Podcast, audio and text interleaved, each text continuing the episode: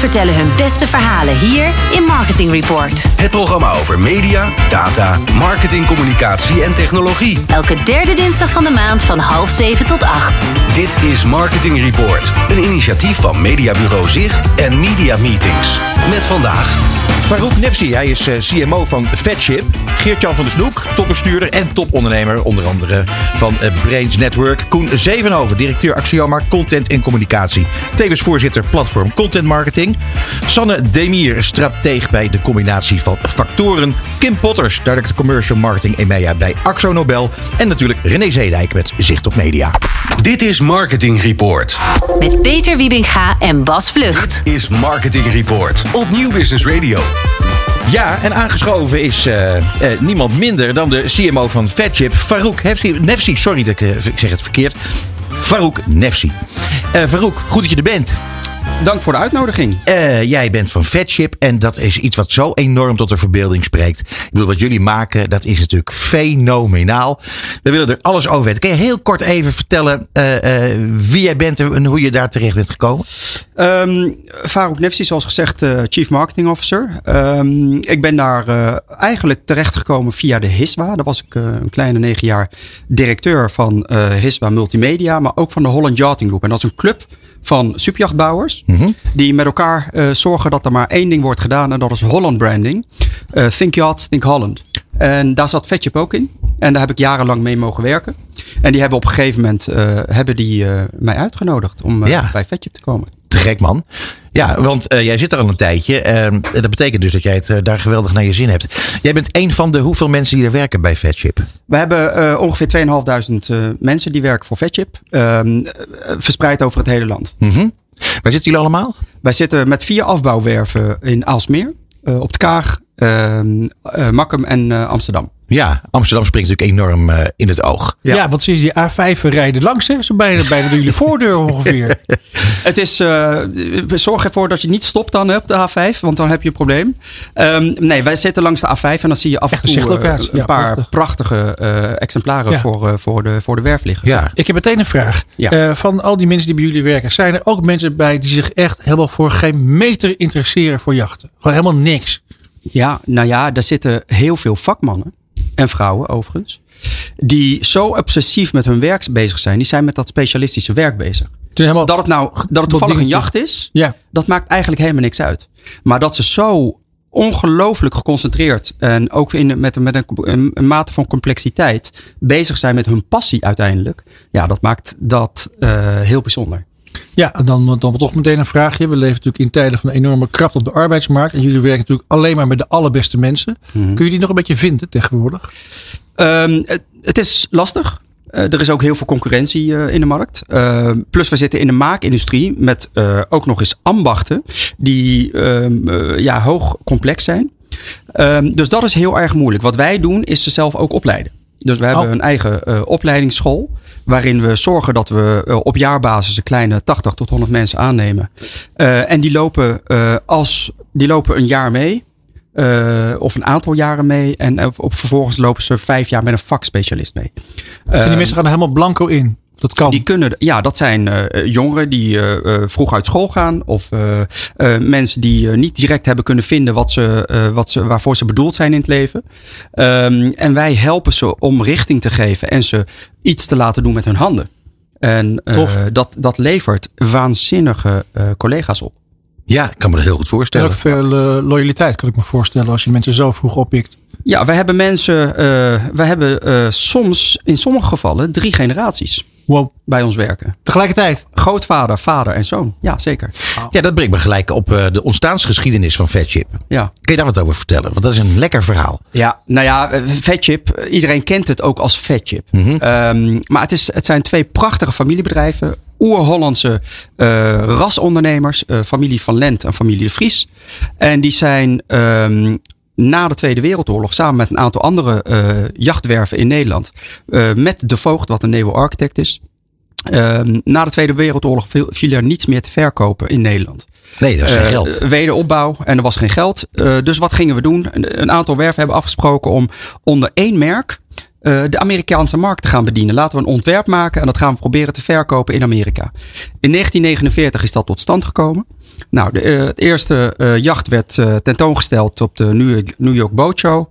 En van, vanaf dat moment is het letterlijk helemaal losgegaan. En het mooie is, is dat niemand weet dat FEDCHIP een acroniem is van die samenwerking. Vertel. FEDCHIP staat voor First Export Association of Dutch Shipbuilders. Echt geweldig. Is dat niet fantastisch? Ja, heel leuk. leuk hè? Ja, ik heb geen idee. Maar als je het over polderen hebt, is het oer-Hollands. Ja. Ja, en, en zonder het tussenkomst van uh, politieke partijen en geneuzel. Geen geneuzel, geen politieke partijen. En het werkt tot op de dag van vandaag op die manier. Want FEDCHIP is een etalage wat twee aandeelhouders heeft. Van Lent en de Vries. Beide families. Um, uh, van Lent is nu onderdeel uh, van LVMH. Is een groot conglomeraat. Als je het hebt over een marketing powerhouse, dan ja. is dat LVMH. Louis Vuitton Moët. En de familie de Vries. Nou, gouden combinatie. Geweldig. Het is prachtig. En uh, daar zit jij als een spil uh, in dat bedrijf. Jij bent verantwoordelijk voor, uh, voor marketing. jullie zijn een gigantische werkgever. Je hebt het over 2.500 mensen die fulltime aan het werk worden gehouden. Dat betekent, als ik kijk ook naar wat jullie maken, dat jullie waarschijnlijk enorme omzetten draaien. Dus uh, betekent dat ook dat uh, uh, Nederland heel erg blij is met, met jullie als bedrijf en als, als, als groep ondernemers, zeg maar? Ja, um, het is niet alleen maar de werknemers die voor ons werken. We hebben ook natuurlijk een rits aan uh, onderaannemers die ook allemaal Tuurlijk. werknemers ja. uh, in dienst hebben die voor ons werken. Uh, daarnaast, als wij een jacht opleveren, zit daar ook nog eens een gehele lifecycle van dat jacht. Zolang dat jacht bestaat, zit de crew aan boord, is er onderhoud, komt het jacht terug enzovoort. Dus er is een enorme, het is een, het is een mini-economie. Ja. Um, maar uh, wat Nederland daaraan heeft, um, ja, je moet het zo zien dat uh, Nederland groot is geworden met export. Dat is datgene waar we voor staan. En het, is, het MKB is de van, van een Nederlandse ondernemerslandschap. Um, de superjachtbouw is onderdeel van een groot maritiem cluster waarin we complexe specials maken. Hè? Dus mm -hmm. de bagger, uh, schepen, de offshore. En daar zitten enorme aantallen um, onderaannemers uh, zitten daarbij. Met de kennisinstituten uh, en alles wat daar omheen kleeft. En dat is waar we groot mee zijn geworden in Nederland. En hier hebben behouden. Dus wat we hier hebben behouden is een maakindustrie. En het behoud en het cultiveren en onderhouden van de ambachten die langzaam aan het verdwijnen waren uit Nederland. Ja. Nou, dat is de grote bijdrage die de superjachtbouw hier in Nederland levert. Hey, en dan even naar, je, naar echt jouw positie uh, die je binnen het bedrijf uh, bekleedt. Hoe ziet zo'n business case, business case er nou uit in de superjachten business? Want dat is, ja, ik kan me daar niet direct een voorstelling bij maken. Nee. Nou, wij, um, ten eerste hebben we vier tot zes klanten per jaar. Nou, er zijn niet heel veel bedrijven die maar uh, 2.500 werknemers hebben en maar vier klanten op mm -hmm. jaarbasis hebben. Um, wij weten dat onze uh, klantenkring natuurlijk uh, zeer schaars is. Er zijn er maar een aantal in de wereld die rondlopen die zich een superjacht zoals, zoals een Vetchip kunnen veroorloven. Um, ja, en daar hoort, um, toen ik bij Vetchip binnenkwam, kleine acht, negen jaar geleden, was Vetchip al een gerenommeerd, gerespecteerd merk wat wereldfaam ook mm -hmm. heeft. maar het was nog steeds een scheepsbouwer. Nou, de, de, de grote campagne was om van die ene scheepsbouwer, wat een gerenommeerd en gerespecteerd bedrijf is, letterlijk te laten verwoorden tot een love mark. Tot een echte branding propositie. Mm -hmm. Nou, en dat is uh, de weg die we uh, zijn gaan bewandelen. Niet alleen maar om ons alleen maar te richten op die klant, maar op de hele perceptie rondom dat merk.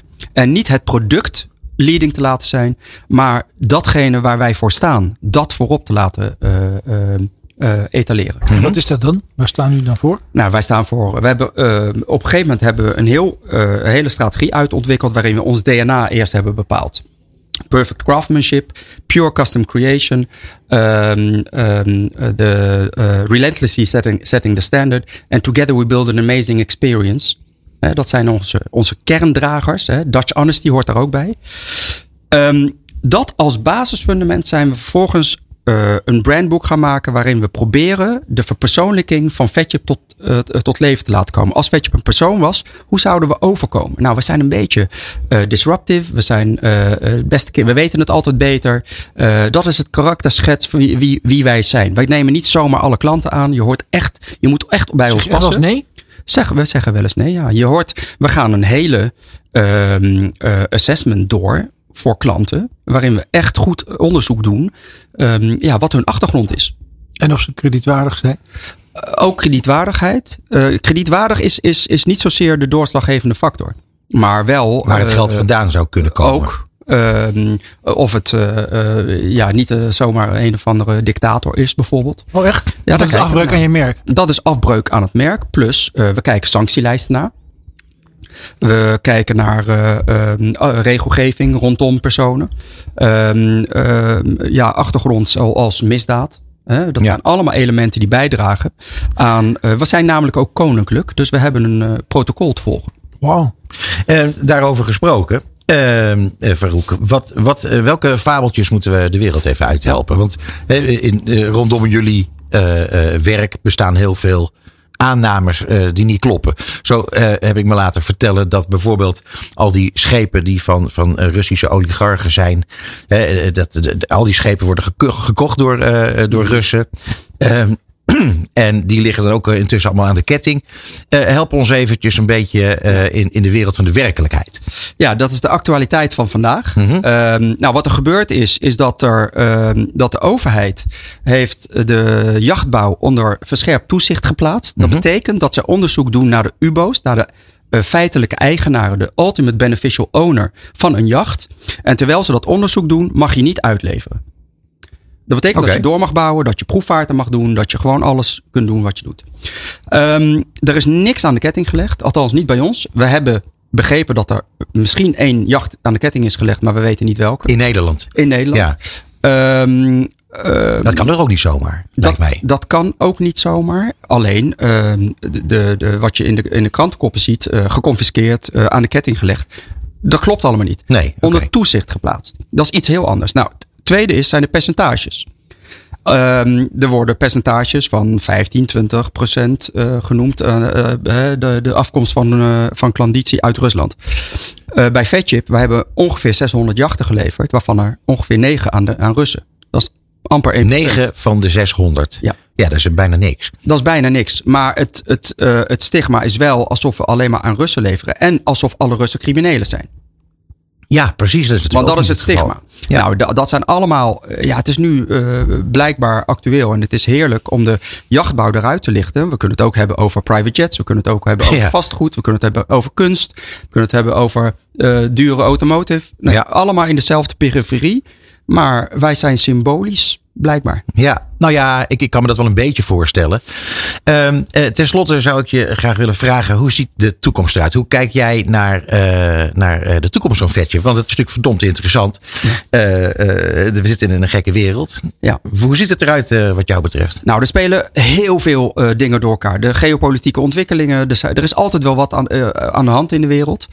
Wij proberen als bedrijf ons werk te doen als bedrijf. We kijken naar het wettelijk kader. We kijken naar. We hebben een moreel kompas. En we hebben een aantal elementen, instrumenten waar we, die we gebruiken om gewoon een bedrijf te zijn. Het onder, gewone ondernemerschap.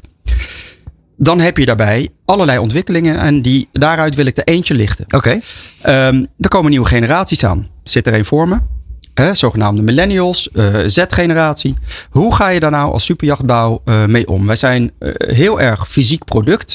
Alles wat wij leveren, het product is jacht. Maar wat je ermee doet, is eh, ja, vooral genieten van de elementen. De klanten die bij ons komen, die komen omdat ze eh, ja, heel veel geld hebben verdiend met het grootmaken van een bedrijf daar stinkend rijk mee zijn geworden. En die willen zichzelf belonen omdat ze niet meer normaal, eh, een normaal leven meer hebben. Dus die kopen vrijheid. Vrijheid om samen met hun familie te cocoonen. Nou, die volgende generatie, er komt tussen op, de, nu en de komende tien jaar, wordt er 15 triljoen aan dollars overgedragen van de ene naar de andere generatie, naar de millennial generatie. Maar die willen allemaal leasen. Eh, tweede is, is dat ehm 60% van de bestedingen aan luxe, eh, luxe retail komt bij de millennials vandaan. Al in 2025. Wow. Ah, Komend. Dat betekent dat die doelgroep hele andere gedragingen heeft. Het is een, eh, ik noem ze altijd de digital natives. Zijn opgegroeid met een eh, physical world, fysieke wereld en een digitale wereld. Hoe combineer je dat nou? Hoe ga je nou vermarkten? Nou, wij zijn heel erg gaan kijken naar eh, wat houdt ze nou bezig. Zitten de hele dag eh, in de gamingwereld, kijken geen nieuws meer. Eh, veel social media. Eh, er zijn, eh, ze zijn heel erg eh, eh, bezig met eh, conscious consumerism. Hè? Dus sustainability, waar komt iets vandaan? Eh, eh, inderdaad, ongeduldig. Maar ongeduldig om het feit dat je eh, niet goed levert of niet voldoet aan hun verwachtingen. En dan zijn ze zo door naar de volgende. Dus dat zijn allemaal elementen. Want iedereen stigmatiseert deze doelgroep. De luie generatie. Ja. Maar ze hebben wel gezorgd dat we allemaal eh, online winkelen. Ja, Dat er het. enorme logistieke netwerken inmiddels zijn ontstaan. Omdat we allemaal thuis geleverd willen worden. Dat er gemak is van een distributienetwerk. Nou, allemaal dingen die wel van de, vanwege deze generatie zijn ontstaan met een versneld effect. En corona heeft er ook aan bijgedragen. Dus het is hartstikke leuk om heel goed te kijken naar wat kan die gamingwereld nou voor een merk als Fatchip. Ja, misschien gaan Fatchips wel figureren in een of, andere, een of ander spel. Minecraft of zo. Metaverse. Metaverse, daar heb ik nog bedenkingen bij. Maar ehm, eh, we moeten uitkijken dat de NFT, eh, de NFT en de Metaverse eh, vanuit die hype te veel ehm, ja, worden opgehemeld. Voorlopig is er nog geen regelgeving rondom de Metaverse. Als jij jezelf nu eh, gaat, eh, eh, gaat eh, 3D gaat scannen en je laat een avatar van jezelf maken en je gaat rondlopen in de Metaverse, kan iedereen met jouw identiteit er vandoor. Niet geregeld. Mhm. Dat zijn elementen waar ik, waar, waar, die ik gevaarlijk vind met je IP-rechten. Ja. Nou, Eh, zegt Farouk. Altijd dat we veel te weinig tijd hebben. Maar ik denk, laat ik het nu maar een keertje zeggen. Heel jammer. We Ja. moeten echt een keer terugkomen hoor. ja, we zijn nog lang niet uitgesproken. Nee. Eh Farouk Nefsi, eh, CMO van Fatchip. Enorm bedankt voor je komst hier naartoe. En we Graag gaan gedaan. jou binnenkort weer spreken. Dit is Marketing Report op Nieuw Business Radio. Ja, en eh, tegenover mij zit hier Sanne Demier. Zij eh, is van de combinatie van factoren. Fijn dat je er bent. Ja, hallo. Leuk te zijn. Ja, eh, jij, eh, nou ja, la- laten we beginnen met dat je jezelf even kort voorstelt. Yes, gaan we Ja. doen. Ik ben dus eh Sanne Demeer, zoals je al zei. Ik ben strateeg eh, met een fascinatie voor mensen en waarom zij doen wat ze doen. Ja. Ik ben mijn carrière ooit begonnen bij NS5. Toen kreeg ik een hele mooie kans van Mark Oosterhout om bij hem stage te lopen. En daar verschillende functies gehad. Junior strateeg geweest en eh insights manager uiteindelijk. In die jaren heb ik ook een boek geschreven. Ja. Dat is eh 23 Innovations in Digital Communication. Met twee eh, andere mensen samen. En, Dus je eh, loopt stage en je schrijft daarna meteen een boek. Gaat dat niet heel hard? Ja, is toch leuk? Ja, fantastisch. Promising. Ja, zo is dat. Ja, nee, dat goed. was eh, inderdaad lekker turbulent. En inmiddels dus eh strateeg bij de combinatie van factoren. Ja, en daar zijn jullie met hele slimme dingen bezig. Uiteraard. Eh, Beyond Growth Transitie, daar gaan we het over hebben. Yes. Nou, daar moet je even wat over vertellen. Ja, ga ik doen. Ehm, nou ja, ik neem aan dat het eh, in principe duidelijk is. Maar laten we beginnen bij wat dat is. Hè? Ja. Beyond Growth. Ehm, dat is een, eigenlijk een nieuwe manier om naar de economie te kijken. Of naar de samenleving. Kijk, wat je nu ziet is dat eh economie heel erg gefocust is op groei. Alles moet groter, groter, groter. En nou ja, uiteindelijk is dat eh, wat oppervlakkig. En ook gewoon niet eh, haalbaar Nee. in de wereld op het moment. Nou, dat kennen we denk ik allemaal. Die berichten kennen we. Ehm, dus wat wij nu, eh, waar wij nu op inspelen is die transitie die in het algemeen eh, eh, gaande is. Namelijk van alleen maar groei naar waarde toevoegen. Mhm. En wij zien nu, nou ja, wat ik zeg, in de wereld begint dat al te spelen. Maar op dit moment is het vooral op individueel niveau waar de verantwoordelijkheid ligt. En overheden en bedrijven gaan daar een steeds grotere rol in spelen. Daar geloven wij heilig in. En eh, wij willen dus eh, bedrijven helpen in, de, eh, in die transitie om met hun marketing, communicatie en activatie. Ja, als je dan kijkt naar, naar traditionele marketing, ehm, dan zou je kunnen zeggen dat er heel veel bedrijven nog niet zo heel erg bezig zijn met, met van groei naar waarde. Jullie willen bedrijven daarbij helpen. Ja. Ehm, zou je dan toch, zou je toch eerst ehm, eh, nog een, een, een stap daarvoor moeten zetten? Om ervoor te zorgen dat ze ook goed begrijpen waar, waar je het dan eigenlijk over hebt. Want eh, groei is toch nog steeds een heel, heel belangrijk ding voor heel veel bedrijven. Ja, absoluut. En we zeggen ook niet dat eh, groei verboden is ineens natuurlijk. Hè? Ik bedoel, het, het zou wat zijn als wij ermee aankomen. Daar zouden we er geen vrienden mee maken. Nee, dat denk ik ook nee, niet. maar waarde is dus meer dan groei. Daar komt het eigenlijk op neer. Dus dan kijk je naar wat kun je toevoegen. En dat kan op heel veel dingen zitten. Hè. Dat kan zijn op het gebied van sustainability. Nou, en daarop zijn ook de meeste ontwikkelingen nu qua regelgeving in verschillende landen. Uh, maar het kan ook zijn op, um, op een andere manier waarde toevoegen. Bijvoorbeeld Mars, een van onze klanten. is nu bezig met inclusiviteit. Voor M&M's is dat een nieuwe strategie. Ook dat is een manier van waarde toevoegen. Om Ja, ja, ja. inhoudelijk meer toe te voegen. En een relevantere rol te zoeken waarbij je aansluit bij de consument. Eh, en wat betekent dat dan voor eh, eh, klantrelatie? Want dat is, daar praat je dan eigenlijk ook wel over. Zeker. Ja, dat is onderdeel van het totaalpakket.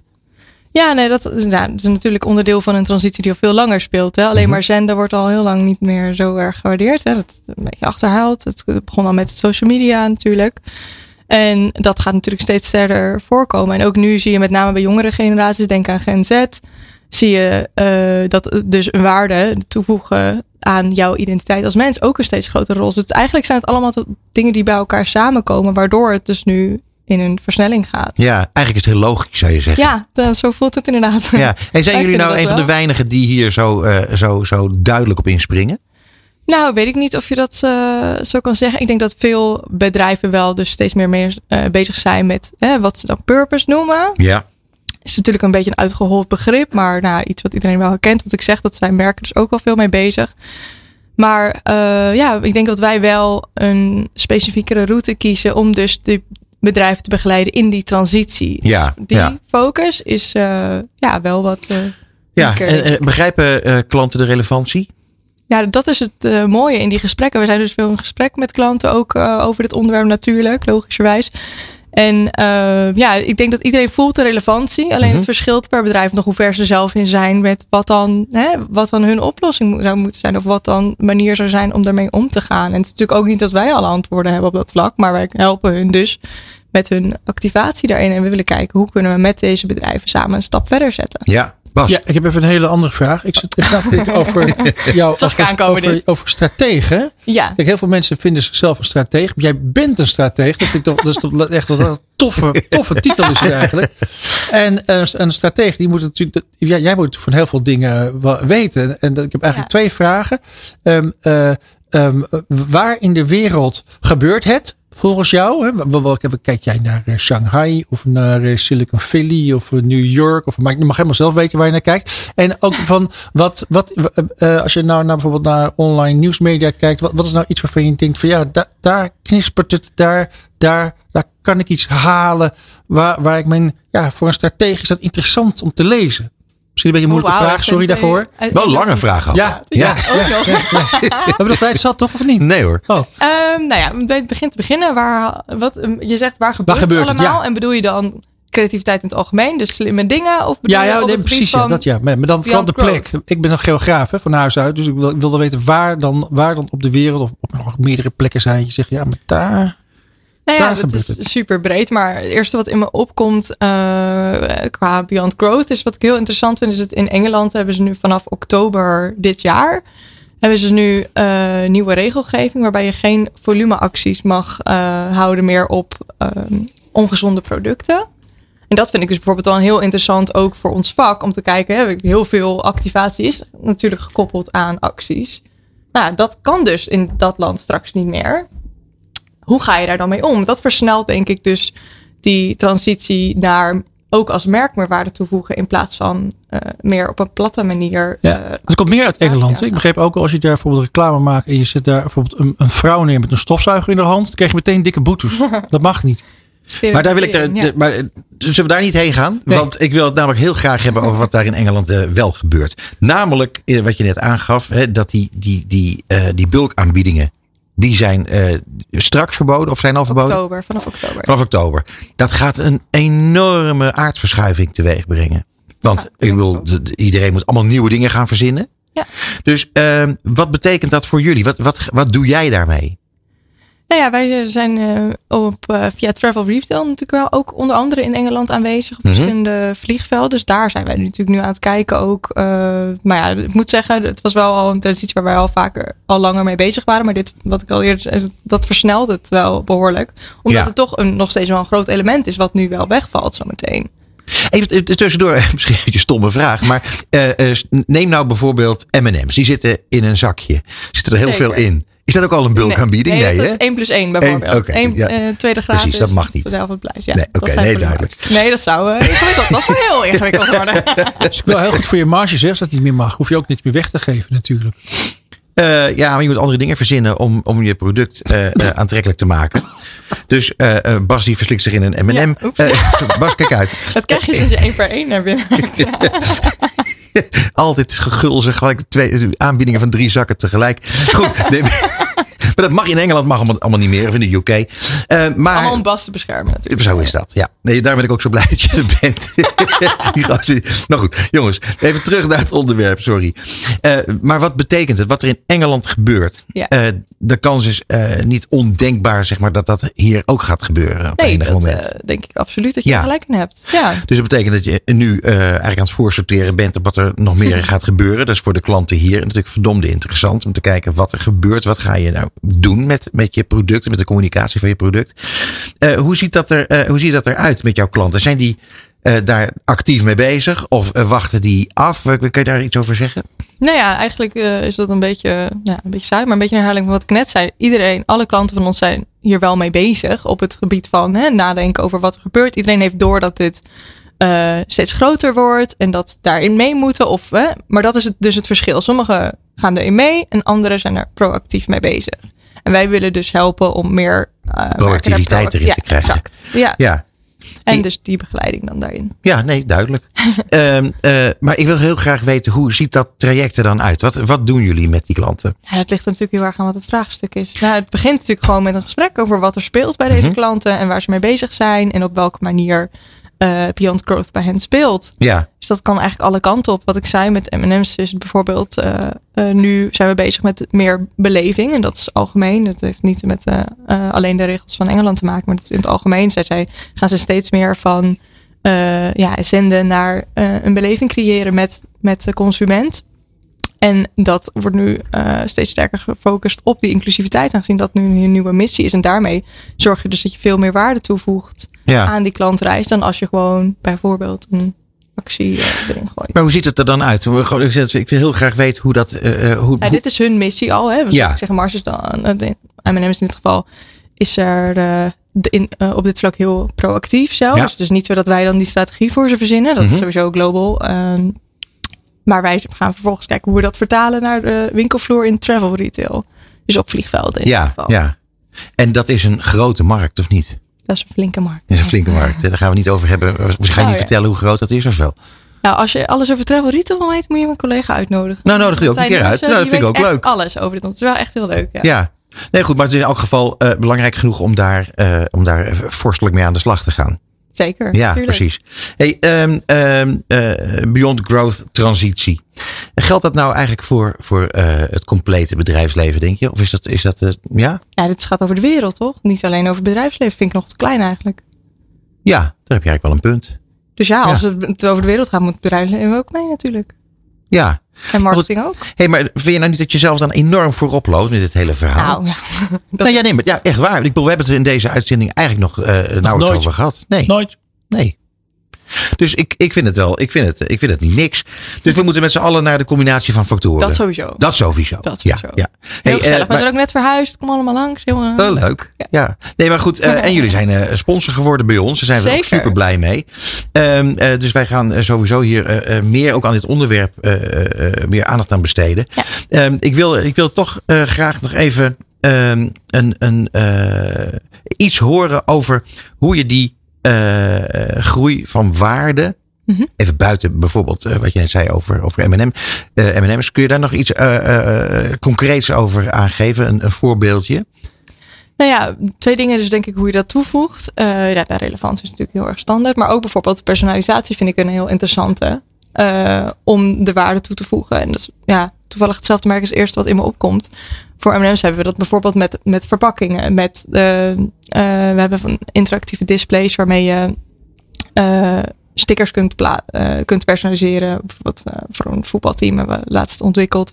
Kon je het voetbalteam wat je tof vindt, kon je Ehm, dan kon je daar de sticker van maken en dat Mhm. kon je dan op je verpakking plaatsen. Even iets heel simpels, maar daardoor is het leuker voor Ja. jou en relevanter voor jou. Ja, een persoon, persoonlijk ding wordt het. Ja, precies. ja, dat is even een beetje. Ik zoek juist een beetje een platter voorbeeld, omdat je dan, nou ja, we hebben het eerder over acties gehad. Dat zit dan een beetje in dezelfde hoek. Ja, Dus het kan heel groot en het kan heel klein zijn. Weet je wat ik zeg? Het kan ook gaan over waarden die jou aanspreken als persoon, waardoor je je meer connected voelt. Maar het gaat ook soms over een leuke gadget zoals dit. Ja, Ja, never a dull soms moment eigenlijk. Hè? dingen, hè? Het- Ja, never a dull moment, Sanne. Hey, eh, Sanne, het zit erop. Ik eh, bedank je enorm voor dit gesprek. En Ja, ja, eh, we gaan je collega gaan we ook zeker een keer uitnodigen. Zou ik zeker doen. Want eh, het is een, een, een buitengewoon boeiend onderwerp. Heel graag tot de volgende keer. Dank je wel. Ja, jullie ook bedankt. Zicht op media met René Zeedijk. Ja, René. Ja, daar zijn we weer op we. Gelukkig. En eh, wat ben ik blij dat je er bent. Ja. Eh, het is eh, schitterend weer als ik hier naar buiten kijk. Maar als ik naar binnen kijk, dan zie ik dat hier weer van alles staat te gebeuren. Want jij hebt het nieuws bij je. Ja, ik heb eigenlijk twee onderwerpen meegenomen. En ja, ik, ik, ik heb het vaak over audio. En deze keer gaat alles over audio, Peter. Want Ja. ik, natuurlijk de nieuwe luisterhuis kwamen vandaag. Hè. Q lekker gestegen. Dicht achter Radio 2. Eh, nog maar 0,3% verschil. Maar ik vroeg me wel af... Is Ja. er taart of champagne daar vandaag eh, neergezet eh, bij de collega's? Want er speelt nogal veel. Zo. En eh, ik had ze even op een rijtje gezet. Ik denk zo, daar is wat. Allereerst begon het natuurlijk al tussen nu en de vorige uitzending... dat Dave Minnebo per direct weg is. En weer teruggaat naar Talpa, waar hij ja, natuurlijk ook vandaan kwam. Ja, Bas, dan zit je even in Afrika. Dan gebeurt er van alles hoor. Oh. En eh, dat is al één. Nou, hij is natuurlijk nu even eh, thuis af te wachten tot hij aan de slag mag. Ja. Eh, maar ook wat bekend werd, is dat Q Music, die eerst natuurlijk was voor een verlenging van de FM-frequentie, opeens nu eigenlijk eh, aan de andere kant zit. eh, samen met Kink eh, onder andere om te zeggen: van nee, we gaan heel graag eigenlijk veilen. Ja. En dan snap ik dat wel van Q. Want Q heeft natuurlijk één zender, Talpa heeft er vier. Ja. Dus ja, als je gaat verlengen natuurlijk, dan weet je de komende jaren dat je geen tweede Nee, FM-zender het. hebt. Nee. En natuurlijk met, met veilen maak je wel daar meer kans op als je natuurlijk genoeg centjes meeneemt. Maar goed, Ja. dat verdienen ze wel bij DPG. Eh, ehm, maar goed, dat was, eh, dat was, toen kwam drie opeens vorige week voorbij. Dat eh, in de ochtendshow Marieke Elzinga voorlopig heeft gezegd... ik moet even stoppen, want het is al een beetje te druk. Ja. Eh, eh, en om te voorkomen dat ik een burn-out krijg... eh, wil ik het even wat rustiger aan doen. Nou, heel begrijpelijk. Alleen, ik hoop natuurlijk voor Q dat dat niet te lang zal duren. Want eh, eh, dat zij is toch wel echt een heel ander geluid... als je 's ochtends naar de, de diverse radiostations luistert. Hè, en dat wil je toch wel voorkomen dat dat te lang gaat duren. Ja, en ik hoorde ook dat er misschien wel heel iets anders aan de hand is. Maar dat was meer in de geruchtenmachine. Ja, dat, Ja, dat- laten, we, Ja. laten we daar Ja. laten we ons niet toe Nee, dat doen we. Ik zeg, het is toch een feit. Ja. Dat, dat, dat, dat, eh, Feit, een feit uit de Feiten. geruchtenmachine. Dit, is een feit. Dit is in ieder geval een feit. En dan nog een feit. Eh, eh, de rechter heeft eh, vanmiddag uitspraak gedaan. Het is pas echt net een, ongeveer anderhalf uur in het nieuws. Q-Dance en Q-Music hebben elkaar ontmoet bij, bij de rechtbank vorige week. En het ging erom dat Q-Music toen zij begon in, in 2005 eigenlijk een afspraak hebben gemaakt met Q-Dance. En dat is een eh, partij, onder andere geloof ik van ID&T. Dat zij zich niet specifiek gingen bezighouden met dancemuziek. Maar ja, dan komt Dave Minnebo bij Q-Music. Ja. En eh, die heeft heel veel vriendjes zoals Armin van Buren en Sunny James en Ryan Marciano en Afrojack. Dus eh, opeens zaten heel de zaterdagavond en nacht eh, vol met dancemuziek. En dat vindt Q-Dance niet zo leuk. Dus het is een rechtszaak geworden. En zojuist heeft de rechter dus bekendgemaakt dat zij binnen nu en twee weken moeten stoppen met al deze danceprogramma's. Wow. Op Q-Music. Ja, dat is toch wel, ja, dat is echt net, ik geloof om een uurtje of half vijf, vijf uur kwam dat binnen. Nou René, je doet je naam wel eer aan hoor. Met, als duider voor het nieuws. Want Nou. wij wisten niet eens dat het nieuws dat het er was. Ja, dat is het. Dat is dan een hele oude afspraak die opeens eh, uit die bureaula is gekomen eh, van 15 jaar geleden. En dus de rechter heeft eh, Q-Dance in het gelijk gesteld. Dus dat betekent dat al die programma's nu van de zender af moeten. Ze gaan wel in hoger beroep, hebben ze al aan laten weten. Maar goed, ik eh, ben benieuwd of ze dat eh, Hey, staande Dave houden. had op geen beter moment kunnen vertrekken. Nee, dat dacht ik zelf ook al, ja.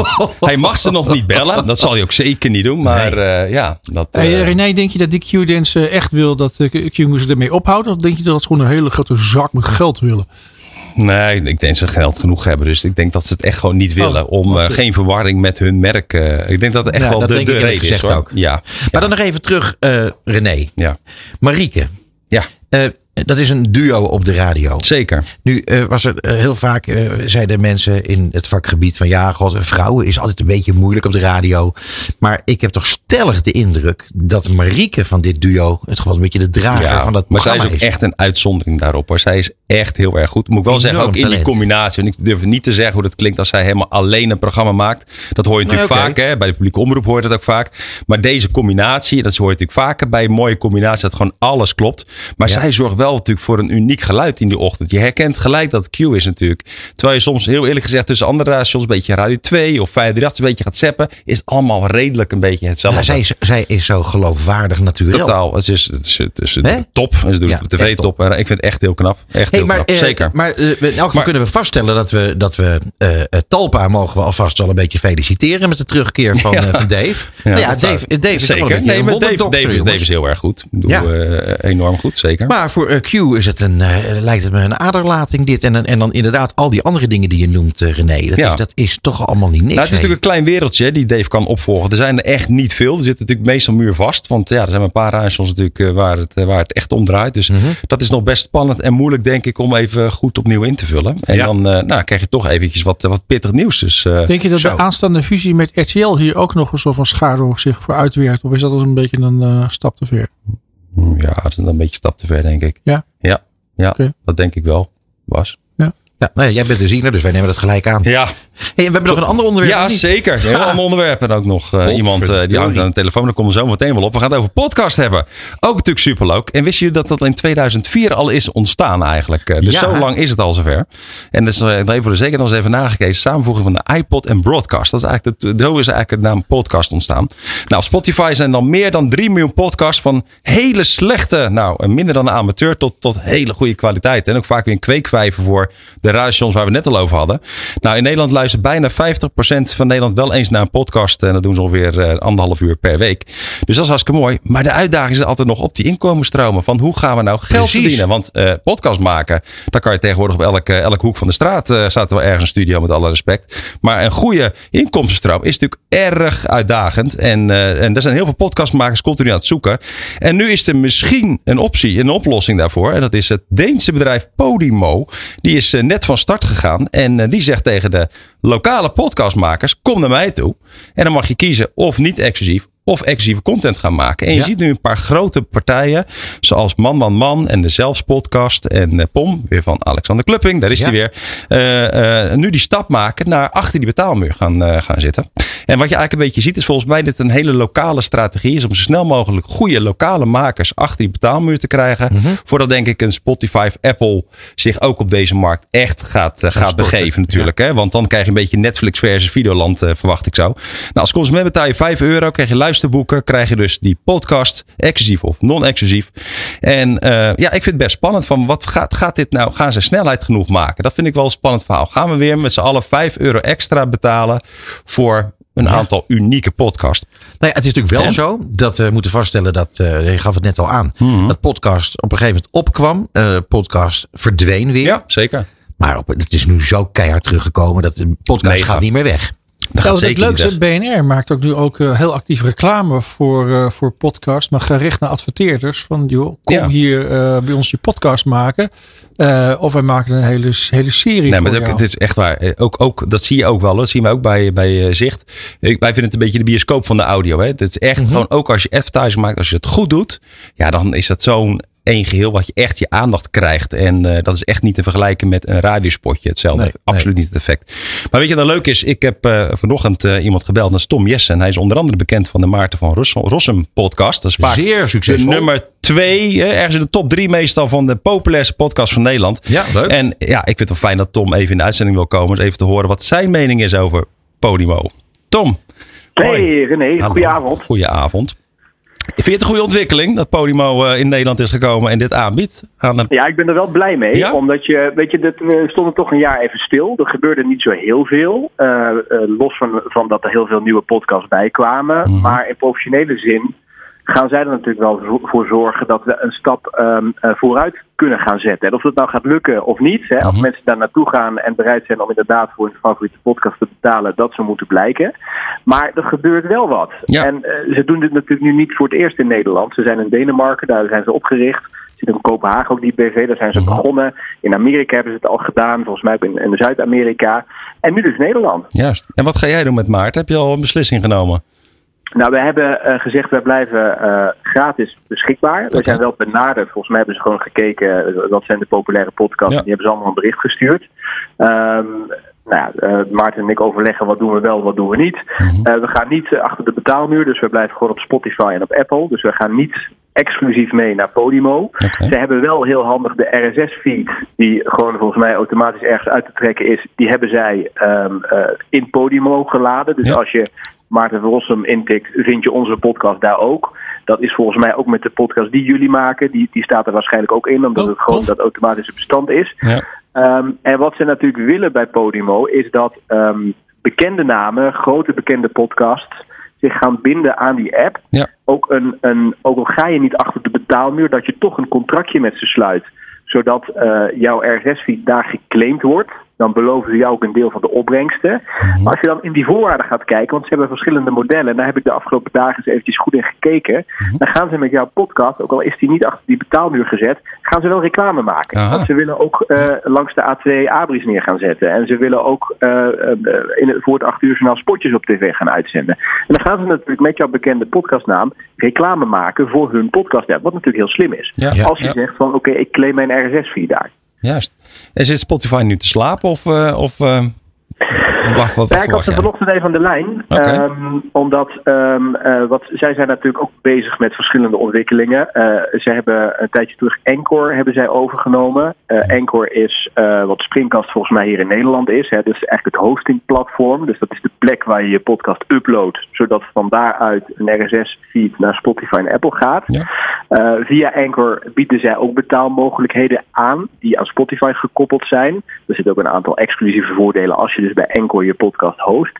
Maar voorlopig doen zij eventjes niets. Wat ze wel gaan doen, wat Podimo nu trouwens ook doet, eh, is een videofeed aanbieden. Als je, moet- Ja. je moet maar eens goed in die app kijken. Daar zit het middelste eh, knopje is volgens mij zo'n videoknopje. En dan kun je dus filmpjes zien van de podcast. Dus eh, volgens mij, Alexander Klupping vertelde ook in zijn podcast dat ze in de studio opnames hebben gemaakt om beeldmateriaal bij de podcast te genereren. Hm. Dat deden ze volgens mij al bij dag en nacht, maar Podimo gaat ook dat naar een next level tillen. Ja. En dat gaat Spotify ook doen. Waarschijnlijk wordt dat na de zomer hier in Nederland uitgerold. Sterker nog, Spotify doet dat al in Amerika, wat natuurlijk een veel grotere markt is. Maar Mhm. na de zomer gaat die eh, feature in ieder geval ook op de Nederlandse markt beschikbaar komen. En ik denk dat Spotify en ook Apple nu nog even wachten. Eh, en dat zij op een gegeven moment ook met betaalmodules komen. Want er is natuurlijk heel veel kritiek ook op Spotify. Dat Precies. als je muziek maakt, dat je dus wel een vergoeding Exact, krijgt. Maar alle podcastmakers, die krijgen helemaal niks. Maar er is toch een poging geweest bij Spotify? Je hebt er toch ook aan meegedaan eh, vorig jaar? Dat je, dat je ook een, een exclusieve podcast kon aanbieden? Nou, wat zij hebben gedaan is je kon bepaalde afleveringen kon je achter een betaalmuur Ja, zetten. Ehm, en wij hebben toen een paar afleveringen hebben wij eens achter een betaalmuur gezet. Om eens Hm. te kijken. Dat was overigens ook content die eh, eerder ook al achter een betaalmuur stond. Dat waren namelijk eh, extra rolcolleges van Maarten. En daar hadden mensen al voor betaald. En dat hebben we inderdaad opnieuw geüpload. Achter een betaalmuur voor mensen die er toen niet bij waren. Ja. Ehm, en toen hebben we gekeken, oké, hoe bereid, hoe erg zijn nou bereid om te betalen Ja. voor content. En dan merk je toch, en dat zie je nu ook bij Podimo, kijk maar eens even op Twitter wat daar allemaal geschreven wordt. Mhm. Je merkt gewoon weerstand. Ja. Want je krijgt eh, eh, iets wat, wat altijd gratis was, tot Precies. nu toe, staat nu achter een betaalmuur. Dus Ja. hetzelfde als Netflix eigenlijk gratis begonnen was. En op een gegeven moment zei, oké, nu gaan we Ja, eh, dat ga Suits niet doen, hè? en Nee. House of Cards gaan we achter de betaalmuur zetten. Dan krijg je natuurlijk mensen die in opstand komen. Begrijp ik. Oké. Eh, Ten slotte, eh, Tom, één eh, vraagje nog. Eh, dat heeft te maken met het eh, makersperspectief, eh, denk ik. Als je kijkt naar bijvoorbeeld uh, Schimmelpenning eh, en, eh, en, Ja. en, zijn, eh, en zijn maatje. Die hadden natuurlijk hun eigen verdienmodel. Die, die, die stoppen eh, commercie in hun podcast. Eh, wat Ja. betekent het eh, voor, voor dit soort mo- verdienmodellen eh, als je je- jezelf laat kopen door Podimo? Nou ja, zij hebben een, eh, een deal gesloten. Eh, eh, de laatste podcast over media, of de laatste podcast die ze in hun feed hebben gemaakt, daar vertellen ze ook wel iets over die deal, maar niet de zakelijke details. Mhm. Maar wat er natuurlijk nu wel gaat gebeuren, dat zij exclusief op Podimo te horen zijn, achter de betaalmuur, verdwijnen dus de advertenties. Want Ja. dat is dus de belofte die ze gedaan hebben. Akkoord. Wat natuurlijk interessant is, is natuurlijk wat heeft Podimo deze heren geboden om exclusief daar die podcast te komen maken. Want Precies. Schimmelpenning heeft bij BNR volgens mij wel eens geroepen in het programma van Art Royals. Wij verdienen per persoon eh, een ton eh, aan advertentiemogelijkheden en alles wat we da- da- daarnaast doen. Het is natuurlijk gissen wat, wat er nu van overblijft. Maar ze zullen natuurlijk hun, hun huid duur verkocht hebben. Want ze hebben natuurlijk gezegd, kijk, dit hebben wij nu met reclameinkomsten. Wat krijgen we bij jullie zonder die inkomsten? Ja, precies. Nou Dus ja, ik, ehm, ik, ik, ik- laat ik zo zeggen, het zijn, eh, eh, het zijn- ondernemers, dus dat zullen ze goed gedaan hebben. Maar de details leggen ze natuurlijk niet eh, op tafel. En ja, op zich is het natuurlijk wel interessant voor ons om te weten wat is nou die deal. Dan heb je ook Ja. meer zicht op van oké, hoe interessant is Ja. dit en voor wie is het interessant. Nou, weet je wat? Als we nou gaan uitzoeken, gaan we het er zelf een keer weer over hebben, Tom. Dat vind ik toch wel mooi. Blijf leuk. Zicht op groei, hè? Zo heet de podcast die wij samen maken. Heel goed, heel goed. Toch een beetje reclame. Dankjewel. Wij gaan afsluiten. Dankjewel. Tot ziens, Tom. Dit is Marketing Report op Nieuw Business Radio. Ja, en aangeschoven is niemand minder dan Koen Zevenhoven. Hij is directeur Axioma Content en Communicatie. Maar hij is ook voorzitter van platform Content Marketing. Welkom. Dank je, Peter. Jongen, wat fijn dat je er bent. Eh, ik heb eh, mij enorm zitten verheugen op ons gesprek. Want eh, we gaan het eh, hebben met name over eh, het platform. Over jouw werk voor het platform, het platform zelf. En wat, het- wat er allemaal gaat gebeuren. Gaat veel gebeuren. Gaat heel veel gebeuren. Dat mag ook wel na twee jaar corona, toch? Nou, inderdaad. En eh, alle dingen die er gaan gebeuren, daar zit ik me persoonlijk ook nog enorm op te verheugen. Maar ehm, ik zou je eerst even willen vragen, Koen. eh, we komen andere keer gaan we verder, verder praten over wat Axioma allemaal eh, doet voor, voor de klanten. Eh, content en communicatie, dat, eh, dat zegt het er al voor een deel. Maar goed, daar gaan we wat eh, dieper op in op een Hele ander goede moment. contentcommunicatie volgens mij, eh, Peter. Met Precies. hele, met hele enthousiaste mensen. Met 30 hele En enthousiaste dat, de beste. en dat allemaal vanuit het schitterende Baren. En dank je. Ja, precies. Hele- en dat ja. eh, in, in, Villa Kakenbond. in een prachtige villa. Ja, Zo is dat. ja, Eh, maar ik wil toch eventjes naar, eh, naar het platform. eh, platform content, of platform content marketing. Eh, de afgelopen paar jaar is er eh, op het gebied van eh, de, de awards niks gebeurd vanwege de pandemie. Klopt. Ehm, en jullie spannen je in als platform voor het vak, voor het, voor het vak content marketing, om daar veel en veel meer mee te doen, dat veel meer voor het voetlicht te brengen. Kan je daar iets meer over vertellen? Nee, wat, wat rare tijd door corona. Dus Mhm. inderdaad te weinig gebeurd. Maar als, als bestuur en samen met eh, een eh, tweetal andere bestuursleden die ook hun eh, bureaus runnen. eh, staan we ervoor om, eh, om eh, het vak eh, naar een hoger niveau te tillen. Nou, dat Mhm. heeft vaak gewoon met, met inhoud te maken. Tuurlijk. Dat heeft met opleiding te maken. Dus eh, we zijn heel erg bezig om eh, de, de banden met hogescholen aan te trekken. We hebben ieder jaar eh, hebben wij eh, de Studenten Awards. Ja, dan denk je van, is dat belangrijk? Ja, ontzettend belangrijk. Tuurlijk. Ja. Want daar komen weer nieuwe mensen aan. Dan weten allemaal hoe lastig het op dit moment is in de, in de markt om nieuwe medewerkers te krijgen.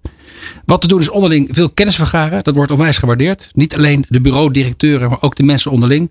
Gewoon open netwerken, praten, praten over cases, eh, klantencases.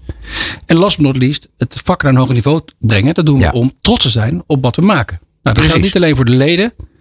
We hebben nu een, een zestiental bureaus die lid zijn van ons netwerk. Maar ook voor niet-leden. Dus wat wij doen, wij doen één keer per jaar een grote activiteit. Waarin eh, wij eh, awards en bekroningen uitdelen aan de meest prestigieuze projecten. Die Ja. de afgelopen één tot twee jaar eh, geweest zijn. Nou, je kan je voorstellen, de afgelopen twee jaar is er eigenlijk heel veel gemaakt. Ja. Maar door corona weinig hebben we kunnen laten zien. Dus onze leden staan te trappelen om eh, Ja, eh, ergens wat cases in te gaan sturen. En laten we hopen dat we ergens in november daar een gigantisch mooi feest van gaan maken. Daar ben ik van overtuigd. Daar ben ik van overtuigd. Nou, dat, eh, dat weet ik wel zeker dat dat gaat gebeuren. Het is grappig dat je dat zegt. Eh, ik denk, maar eh, zeg maar of ik het wel of niet goed heb. Maar ik zou me kunnen voorstellen dat juist in een, in een periode van zo'n pandemie. dat content marketing ontzettend belangrijk is. Juist content marketing. Ja, het, het, is, het is een onderdeel van. Bedoel, Daar Mhm. zijn we ook heel reëel in. Want net zoals advertising en PR en content marketing en branded content. We kunnen doorgaan, is content marketing onderdeel van. Mhm. Maar wij merken wel dat de, de authenticiteit, wat wij nastreven, de inhoudelijke kant van het vakgebied. En op die manier proberen de band tussen vaak medewerkers, maar vaak ook eh, klanten en hun, eh, ik zou maar zeggen, opdrachtgevers en hun klanten te versterken, te verstevigen. Dat is belangrijk. Ja. Heel plat gezegd, wij zetten gewoon content in om een commerciële doelstelling voor bedrijven te organiseren. Ja, Eh, en eh, dat snurkt aan te- op, op, tegen heel veel andere vakgebieden. En daarin zien we in ieder geval dat we een steeds grotere cliëntelen, onze leden, groeien. Maar ook het aantal leden van het platform groeit. Dus dat betekent dat die, in ieder geval die industrie aan het bewegen is. En naar mijn beleving is die aan de goede kant op bewegen. ja. Nou, dat is heel lekker. Eh, je zegt eh, groei van het platform. Er er sluiten steeds meer bureaus zich aan. Ja, ja we, eh, laat ik zo zeggen. We hebben niet stilgezeten. Maar het was zeker, eh, zeker eh, lastig om, eh, om eh, de activiteiten die je gepland hebt, om die voor te zetten. Tuurlijk. Ja. Eh, we hebben vorig jaar in coronatijd, eh, het is ons gelukt om eh, eh, eens in drie maanden toch een spreker zij het eh, per eh, video eh, Ja. te krijgen. En dan daarmee de band met de leden aan te trekken. Maar we hebben de afgelopen jaren weer een viertal nieuwe leden tot ons weten te brengen. Kijk, En eh, wat veel belangrijker is, is dat eh, er binnen elk lid ook een, een, een, een content specialist, een content manager of een art director wordt vrijgemaakt voor een x aantal uren per lid. Waarmee we allemaal onze bijdrage leveren aan het vakgebied. En dat is belangrijk. Kijk, een feestje maken is leuk, maar we willen eigenlijk dat het hele jaar, het hele jaar door, ons vakgebied onder de aandacht is. En dat is denk ik de allergrootste verandering. Eh, leuk om het één keer per jaar met elkaar te vieren. Maar laten we ervoor zorgen met z'n allen dat alles wat we doen, ja, maand in, maand uit, we- week in, week, week uit, ja, onder de aandacht blijft. Nou, daar, eh, daar denk ik dat we, dat is eh, onze belangrijkste doelstelling. nou ja, het grappige is natuurlijk dat je voldoende content hebt. Ja. Dat, ik wil, dat, dat maakt het toch wel verdomd interessant eigenlijk. Ja, dat is toch een beetje de. Ik weet niet of je dit verhaal van de slager kent, maar wij werken toch altijd dat dat wij onze eigen case moeten aanleveren, dat we binnen ons bureau alles moeten bewerkstelligen, want dan zijn we weer voor een klant bezig en zo hoort het ook. Dus eh eerlijkheid gebied te zeggen dat we alles op alles moeten zetten om altijd eh, je eigen spulletjes goed op orde te hebben. Of het Tuurlijk. nou voor je eigen website is, of voor het aanleveren van een casus, of wat dan ook. Maar eh, het klopt, we hebben ontzettend veel content, hele mooie testimonials, hele mooie projecten, dus dat gaat zeker goed komen. Ja, weet wat het ook het grappig is? Dat wat ik, wij organiseren dan, eh, Peter en ik zelf, dan ook de Cross Media Awards die eh, aanstaande zijn. Die zijn eh, een, eh, een halfjaartje eerder dan eh, de awards waar we het nu over praten. En eh, ik had eh, vandaag eh, kreeg ik een e-mail van, eh, van een niet nader te noemen partij. eh, die zei, ja, helaas gaan wij eh, dit jaar niet eh, inzenden voor de Cross Media Awards. Ik zeg, nou ja, wat, wat treurig. En hoe, hoe kan dat nou? Zegt nou, we hebben ehm, eh, alle potentiële cases die we daarvoor hadden Die gaan ons toe. Hebben we helemaal eh, hebben we wat doorgelicht. En we zijn gewoon tot de conclusie gekomen dat het gewoon niet goed genoeg is om Oh. bij jullie in te zenden. En niet punt. Maar het is dus een soort van kleine crisis in dat bedrijf. Want het is heel slecht. Dus, dus eigenlijk nooit, nooit zo bij nagedacht. Maar voor partijen is het ook een benchmark. Van ja, kunnen wij. Zijn wij goed genoeg om ons echt te meten? En als dat dus niet is, ja, dan kun je daar nog eens heel goed over nadenken. Wat er dan eigenlijk is misgegaan. Ja, nou dat is eigenlijk eh, je bureau op scherp zetten. Wij zijn een organisatie, als ik even namens mijn eigen bureau mag praten, Axioma, niet een bureau dat graag meedoet aan aanbestedingen, maar we doen het wel. En waarom doen we het? Omdat je op die manier je eigen bedrijf, je eigen bureau scherp kan krijgen. Ja. Nou, dat is eigenlijk wat we met die cases ook doen. Eh, we zijn voor heel makkelijk om een, om een concept of een strategisch kader of een plan voor een klant te presenteren en te maken. Maar op het over je eigen werk gaat en dat voetlicht gaat krijgen, dan zijn we toch, denk ik, zulke vakidioten met z'n allen. Ja. Dat we daar nog eens een extra plasje over moeten doen. Nou, dat eh, blijkbaar is een 7 niet genoeg. Ik had het vroeger op school nooit een 7. Ik ging, eh, dus eh, ja, bij Nee, mij, maar, eh, ja, maar, ja, maar daar- verdien je ook niks mee. nee, daar verdien ik niks mee. Nee, dat, dat, heeft ook, dat heeft ook heel lang geduurd, Peter. Nee, maar goed, we hebben het net even gehad over dat er voldoende content is. Bas geeft aan, moet die content moet natuurlijk wel heel goed zijn. Nou, dat, is, dat is duidelijk. Zeker als je awards wil gaan, gaan verdienen. Ehm, eh, er worden al jarenlang worden hier eh, in dit vakgebied eh, prijzen uitgereikt. Het is een tijd stilgelegen. Eh, wat gaat er nu gebeuren? Het, gaat, het heet vanaf nu Content Marketing The Awards. Correct. Nou, goed En- verzonnen. En het gaat, ja, vind ik zeker goed verzonnen. Eh, want dat betekent gewoon The Awards. Ja, wat- dat, die wil je ja. winnen. Ja. Ehm, dat gaat plaats hebben op 1 november 2022. Wat gaat er allemaal veranderen? Nou, de, de grote verandering is dat eh uiteindelijk daar samenkomt. Mhm. Maar dat we vooraf, en dat is denk ik het grote verschil met andere jaren. eh, andere jaren was het zo dat het eigenlijk niet alleen het, feest en de uitgangstraal stond, maar dat het ook was. Ja, En we hebben nu gezegd, het is doodzonde voor al het werk wat er ingestopt is. Nou, Bas gaf net al aan, eh, in de herkenning die jij gaf, dat het, dat het veel tijd kost. Het is doodzonde voor alle mensen die daar tijd en energie in stoppen. Om alleen ze naar voren te halen op een feestje, op een podium. En ze een prijs of een bekroning te geven. ja. Dus wat wij willen doen is die cases veel langer onder de aandacht kre- geven. Dus we hebben daar een, eh, binnen onze eigen eh, platform content marketing website een, een separate site voor gelanceerd. We pushen die informatie naar alle leden die dat zelf kunnen uitdragen. En we gaan daar met de partij die daar voor ons heeft uitgedaagd en eh, de pitch al gewonnen heeft, gaan we daar hopelijk ook eh, vele whitepapers, eh eh, vele eh post, eh, al dan niet zij, eh, onder de aandacht krijgen. Dus het allerbelangrijkste verschil is, eh, het feestje komen bij elkaar en daar gaan we één keer per jaar een hoop lol maken. Maar het vakgebied gedurende maandenlang onder de aandacht brengen, dat is, de, dat is, dat is denk ik Ja. het allergrootste verschil. Eh, daarnaast eh, hebben wij in de afgelopen jaren ons wel eens vergalopeerd over het aantal eh, awards en het aantal bekroningen. En dat, dat, dat vraagt heel veel van de juryleden. ja. We willen daar Ja. ook iets meer rust in creëren. Door juryleden wat langer vast te houden, wat meer voorbereidingstijd te geven. Maar ik denk dat je dan de grootste verschillen hebt. Feestje Ja. vieren Dat zal niet veel anders zijn als hiervoor, want daar zijn we goed in. Maar het vakgebied blijft tot een aantal brengen. Dat is wel belangrijk. Ik heb wel nieuws voor je. Oh, daar gaat hij komen. Daar gaat ja, hij komen. Nee, omdat ik uit een zeer betrouwbare bron heb vernomen. Dat eh, eh, niet alleen datgene wat jij zojuist allemaal hebt genoemd. eh, een enorme kwaliteitsslag gaat maken. Maar dat geldt ook voor het feest. Het Kijk. geldt voor de, voor de uitreikingen. het geldt voor het feest. Het geldt voor, voor het, het netwerken. Dus dat wordt allemaal groter en mooier. En eigenlijk allemaal datgene wat het eh, vak verdient. Dus ik zie jou nu al heel blij kijken. Dat, dat jammer van radio, is, dames en eh, heren. ja. Dat, dat je nu niet het gezicht kunt zien van je Koen. hoort hem blij kijken. Ik heb een big smile. Nee, maar dat is, de, dat is absoluut eh, het geval.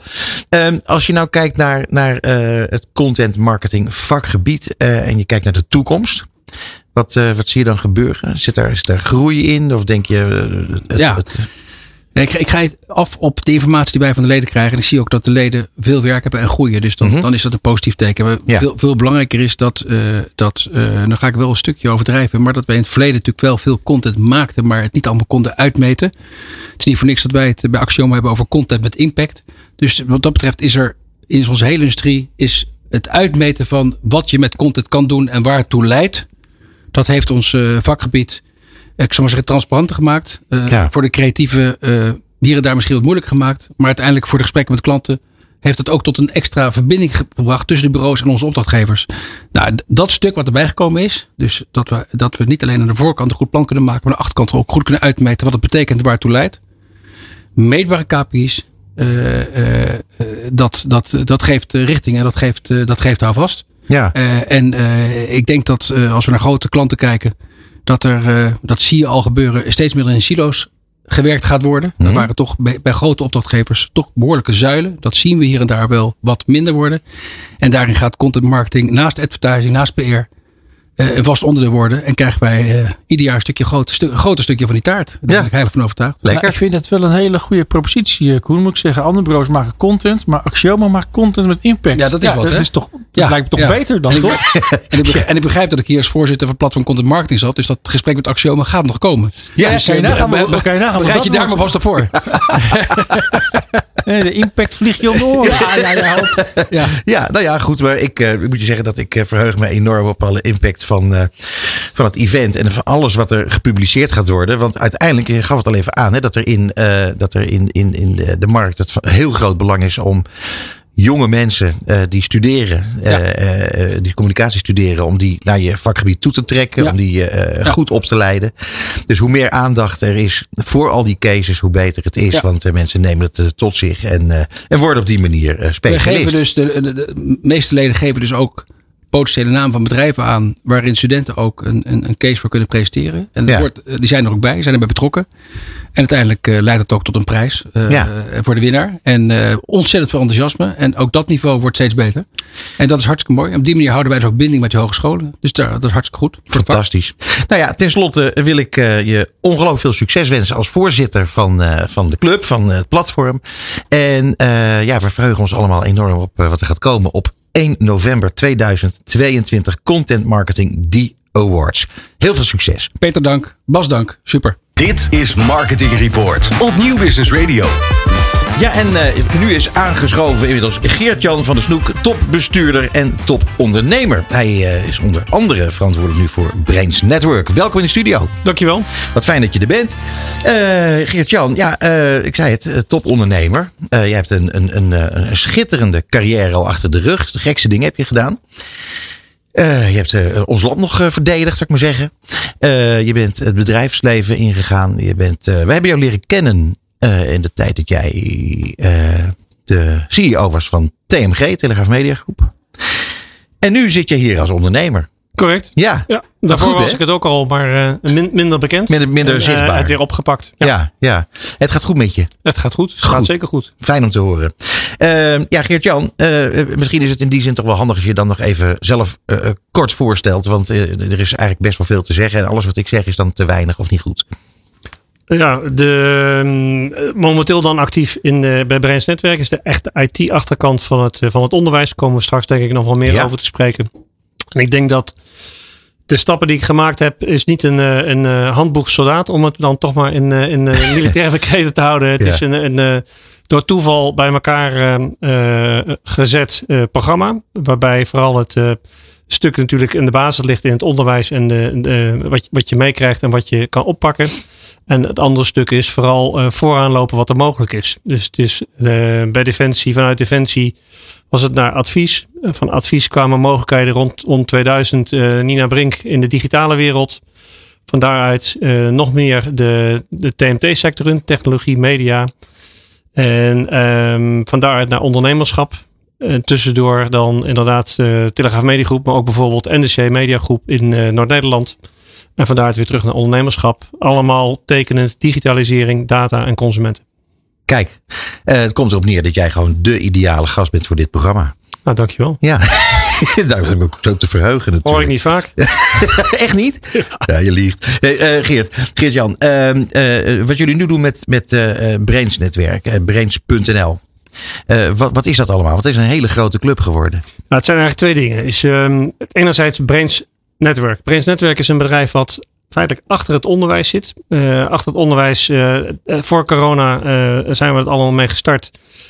En door corona heen weten veel Nederlanders dat digitaal een behoorlijke eh, belangrijk is om enerzijds werken te blijven, anderzijds om het onderwijs te laten draaien in een hybride vorm.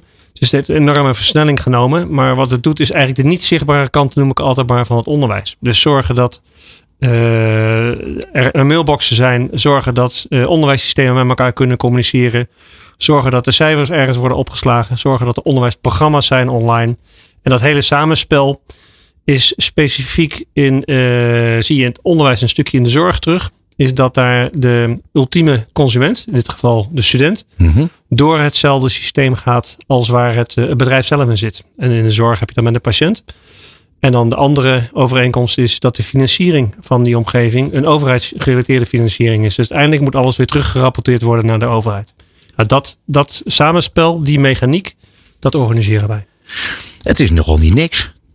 Het, is- het is heel actueel. De, het, het bedrijf is wat dat betreft ook wel een leuke ontstaansgeschiedenis. Het is ooit begonnen, ik denk dat het 2006 was, dat eh, Microsoft eh, kwam, dat het onderwijs naar Microsoft ging. Althans, het gros van het Nederlands onderwijs is Microsoft georiënteerd in de basis. Eh, een klein stukje, namelijk in het primair onderwijs, is Google georiënteerd. En dat, dat begon met floppies. En de toenmalige eigenaar, zijn grootste probleem, dat zat het bedrijf op de Brouwersgracht. Er was dat de vrachtwagen van Microsoft een halve dag daar de gracht blokkeerde. Want de floppies moesten eruit. Ja. De wereld is natuurlijk veranderd nu. Het gaat online, het gaat met licenties. En daar krijg je ook weer weer een verrassing. Want door Google blijkt natuurlijk dat er, eh, net zoals in een bedrijf, dat er veel meer gebruikers eigenlijk zijn dan de licenties eh, waren afgegeven. Dus daar is een verandering in gekomen. En wat er door de jaren heen gebeurt, is dat rondom dat basis, die basis setup van eh, Microsoft in het onderwijs, allerlei follow-up programma's, eh, handige administratieve vindingen zijn gekomen. En dat samenspel, wordt wel eens de digitale campus genoemd, dat proberen we te organiseren. Maar je ziet ook de overheid zelf actief in die markt met SURF. Dat is de, de kennisorganisatie achter het hoger onderwijs. En bijvoorbeeld Sivon, dat is de kennisorganisatie achter het middelbaar onderwijs. Mhm.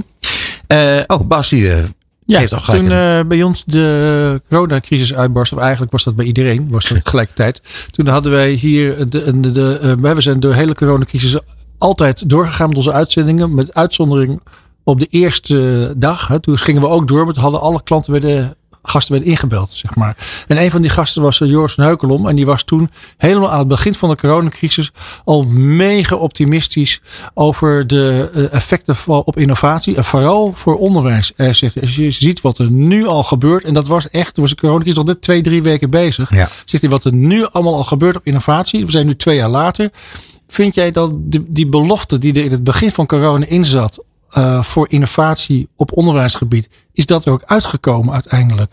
Op twee, manieren. Ik kom straks terug op innovatie in het algemeen. Ik denk innovatie op het onderwijs. Ik kreeg die vraag vlak voor eh, corona. Was dat eh, december 2019 toen we eigenlijk dit avontuur startten. De vraag van de bank. De bank zijn, waar staan we nou met de digitalisering in het onderwijs? Zijn we nou ergens onderaan? Staan we bovenaan? Is het al bezig? En mijn antwoord was toen ah, vijf voor twaalf. Nu zeggen veel mensen, ja, nu zal het al eh, dik kwart over twaalf zijn. Dat is niet helemaal zo. Het is wel eh, wat ze nuanceerden. Dus de universitaire wereld, het hoger onderwijs, absoluut eh, hard aan het digitaliseren. De colleges worden gedeeltelijk online gevolgd. Dat blijft ook zo, verandert niet. Ga je naar de andere kant van het spectrum, naar de middelbare scholen. Die weten niet hoe hard ze terug moeten naar het papieren boekje. En Ja. het liefst nog de papieren agenda. En dat is gek, want de student die van, of de leerling die van de middelbare school afkomt, gaat vervolgens studeren en wordt geacht digitaal vaardig te zijn. Dus daarin mixt. Maar je ziet wel dat die beweging nu is ingezet en eh, wat dat betreft onomkeerbaar is. Je vroeg net, eh, Peter aan mij, wat doe ik? En we zijn, we zijn eh, gestart bij Breins Netwerken. We zitten er nog steeds een beetje. Ja. De, de, en van andere dingen die ik doe is... ehm, bij VNO-NCW ben ik voorzitter voor de digitale sector in Nederland. En vertegenwoordig daar langs de, de hele digitale industrie in Nederland. In, in alle hoedanigheden. Dus dat zijn ook concurrerende partijen ten opzichte van elkaar. Maar dan kom ik weer terug op de vraag die jij net stelt, Bas. Want dan gaat het breder. En in de, de, je ziet een enorm verschil in de industrie. De media, eh, ons al hier bekend, eh, is op delen al heel ver met digitalisering. Eh, denk aan data en marketing, programmatic, alles eromheen. Maar als je aan de andere kant kijkt, gebeurt het beperkt. En ik denk dat dat een beetje, als je kijkt naar de verschillende modellen, zie je bepaalde sectoren die er hard gaan. Ik denk dat uiteindelijk via de platenindustrie, heet het vroeger niet voor niets, eh, de Spotify's, naar de media, dat die redelijk voorop lopen in digitalisering. Eh, retail zit daar wel achteraan, maar is er nog lang niet. En door omstandigheden is nu de eerste keer een, digitaliseringsgolf in de buurt van de overheid ontstaan. En dat is het onderwijs. En daarin, in zijn soort, gaat hij heel hard. Als je het vergelijkt met ehm, Duitsland, eh, Duitsland staat stil digitaal. Scandinavië is wel iets verder, maar kleiner. Duitsland staat stil. Ja, Duitsland heeft een eh, enorme achterstand digitaal. Eh, Echt een fenomenaal. Dus in Duitsland is de regering eh Schulz, de, had, waar je in Nederland stikstof als belangrijk onderwerp had, was in Duitsland digitalisering. Nummer één, chefzagger. Gecombineerd met infrastructuur en ehm, eh, nog een ding weet ik. Even die twee waren de belangrijkste en zijn nog steeds de belangrijkste. Want in Duitsland eh, is een, eh, een, eh, een bedrijf heeft niet een kabel. Fiber to the home, wat we in Nederland hebben, heeft een bedrijf niet. 3G hebben veel bedrijven ook niet. En doordat je dat niet hebt, kun je gewoon heel veel digitaliseringsproducten niet eens gebruiken. Oh, Als je kijkt naar eh, bijvoorbeeld Victor Knaap, jou ongetwijfeld Ja, bekend van Media Monks, die wordt af en toe heel erg boos op eh, LinkedIn. Dan zie ik dat ze voorbij komen. Hij pleit volgens mij al jaren voor een minister van Digitalisering. En hij kon zich ook helemaal woest maken rondom de, de hele corona-aanpak en, eh, en wat daar allemaal man, man niet misging. Vind je dat hij een punt heeft? Ja, wij hebben samen in, de, in, het begin van corona nogal eh, gezamenlijk daar opgetre- opgetreden. Is helemaal dat vlak. Volstrekt mee eens. Minister van Digitalisering is er in de Volksbond op dit moment wel. Het is een staatssecretaris overigens in zit bij Binnenlandse Zaken.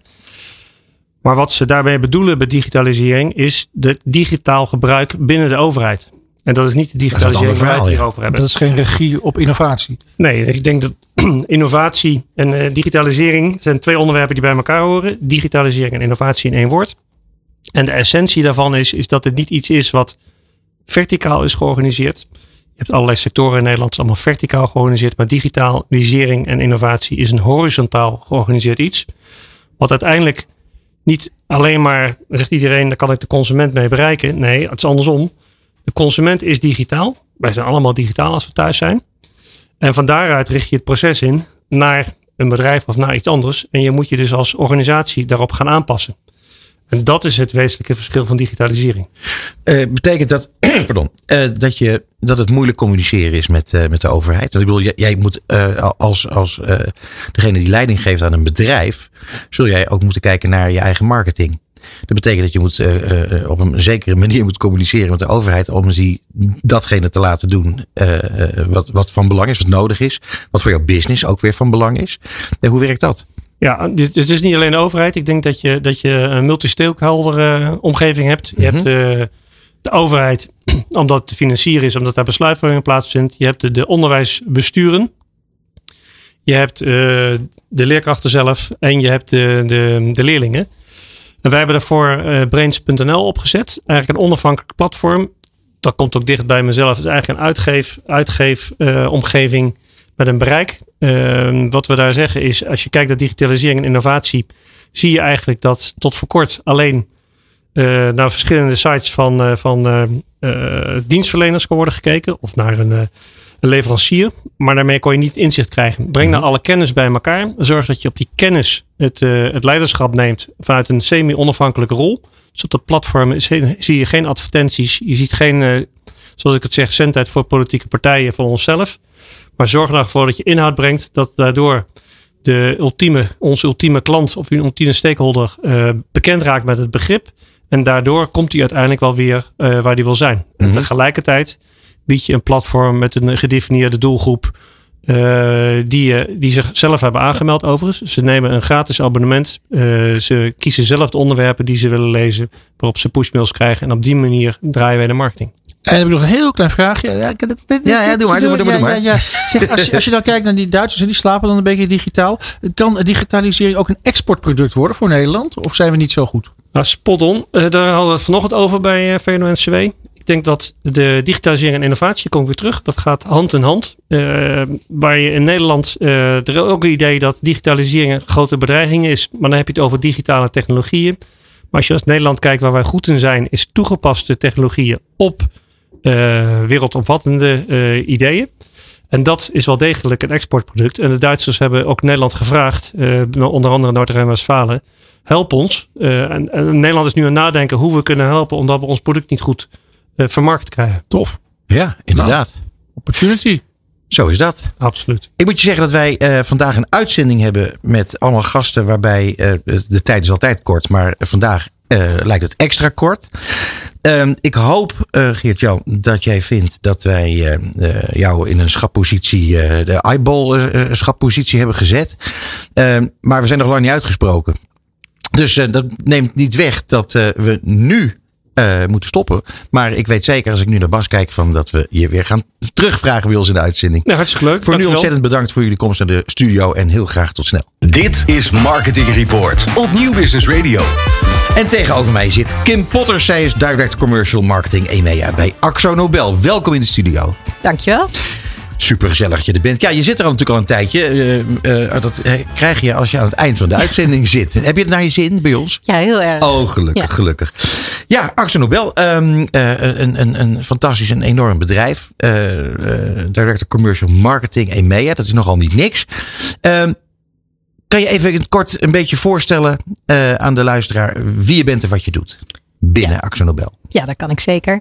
Ehm, nou, ik zit ongeveer 20 jaar in het marketingvak. Ik heb eh, eerst eh, bij eh, bedrijven als Unilever, PepsiCo en eh, Philips gewerkt. Ja, ook niet de eerste de beste? Zeker niet. Hele leuke bedrijven. En nu eh, weer een leuk bedrijf bij uh, Axo Nobel. Daar zit ik al bijna zeven jaar. Ik ben begonnen daar in eh, Nederland als marketingdirecteur voor eh, de decoratieve verven, zoals we Ja. dat noemen. En eh, daarna heb ik een global rol gehad en nu als commercial marketing director voor EMEA. Dus ehm, Mag ja, ik daar meteen wat over vragen?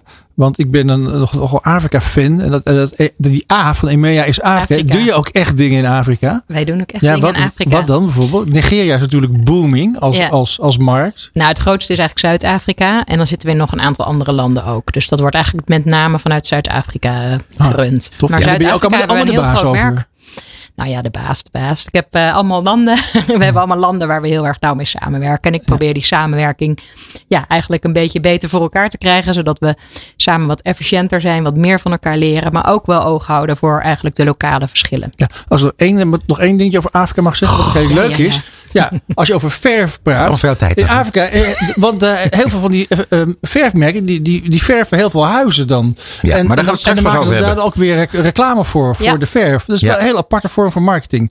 Maar dat Nou ja, is eigenlijk heel, eigenlijk heel goed. En we gaan het straks pas hebben over communities ondersteunen en allemaal dat Ja. soort zaken.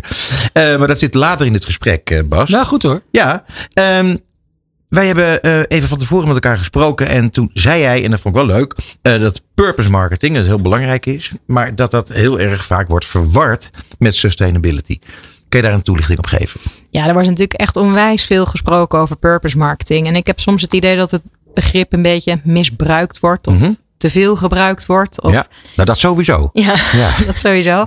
En eh, dat ik denk, oké, toen ik marketing leerde op school, volgens mij heette het toen gewoon een missie. Maar goed. Ja. Ehm, en daardoor wordt het ook vaak verward met ehm, een hoger doel. We moeten Ja. als merk allemaal een hoger doel hebben. Een sustainability doel, eh, de wereld redden. Terwijl, ja, volgens mij moet je het veel dichter bij jezelf zoeken. En ehm, is een purpose marketing iets wat waarom jij als merk op de wereld staat. En elk merk is voor met een reden op de wereld gezet. En om iets toe te voegen. Mhm. En of dat nou echt eh, is eh, plastic uit de oceaan halen. Of gewoon mensen heel vrolijk maken kan ook. Maar je moet dat dicht bij je merk zoeken. Mhm. En dat doen jullie. Eh, of dat doe jij, moet ik dan even zeggen.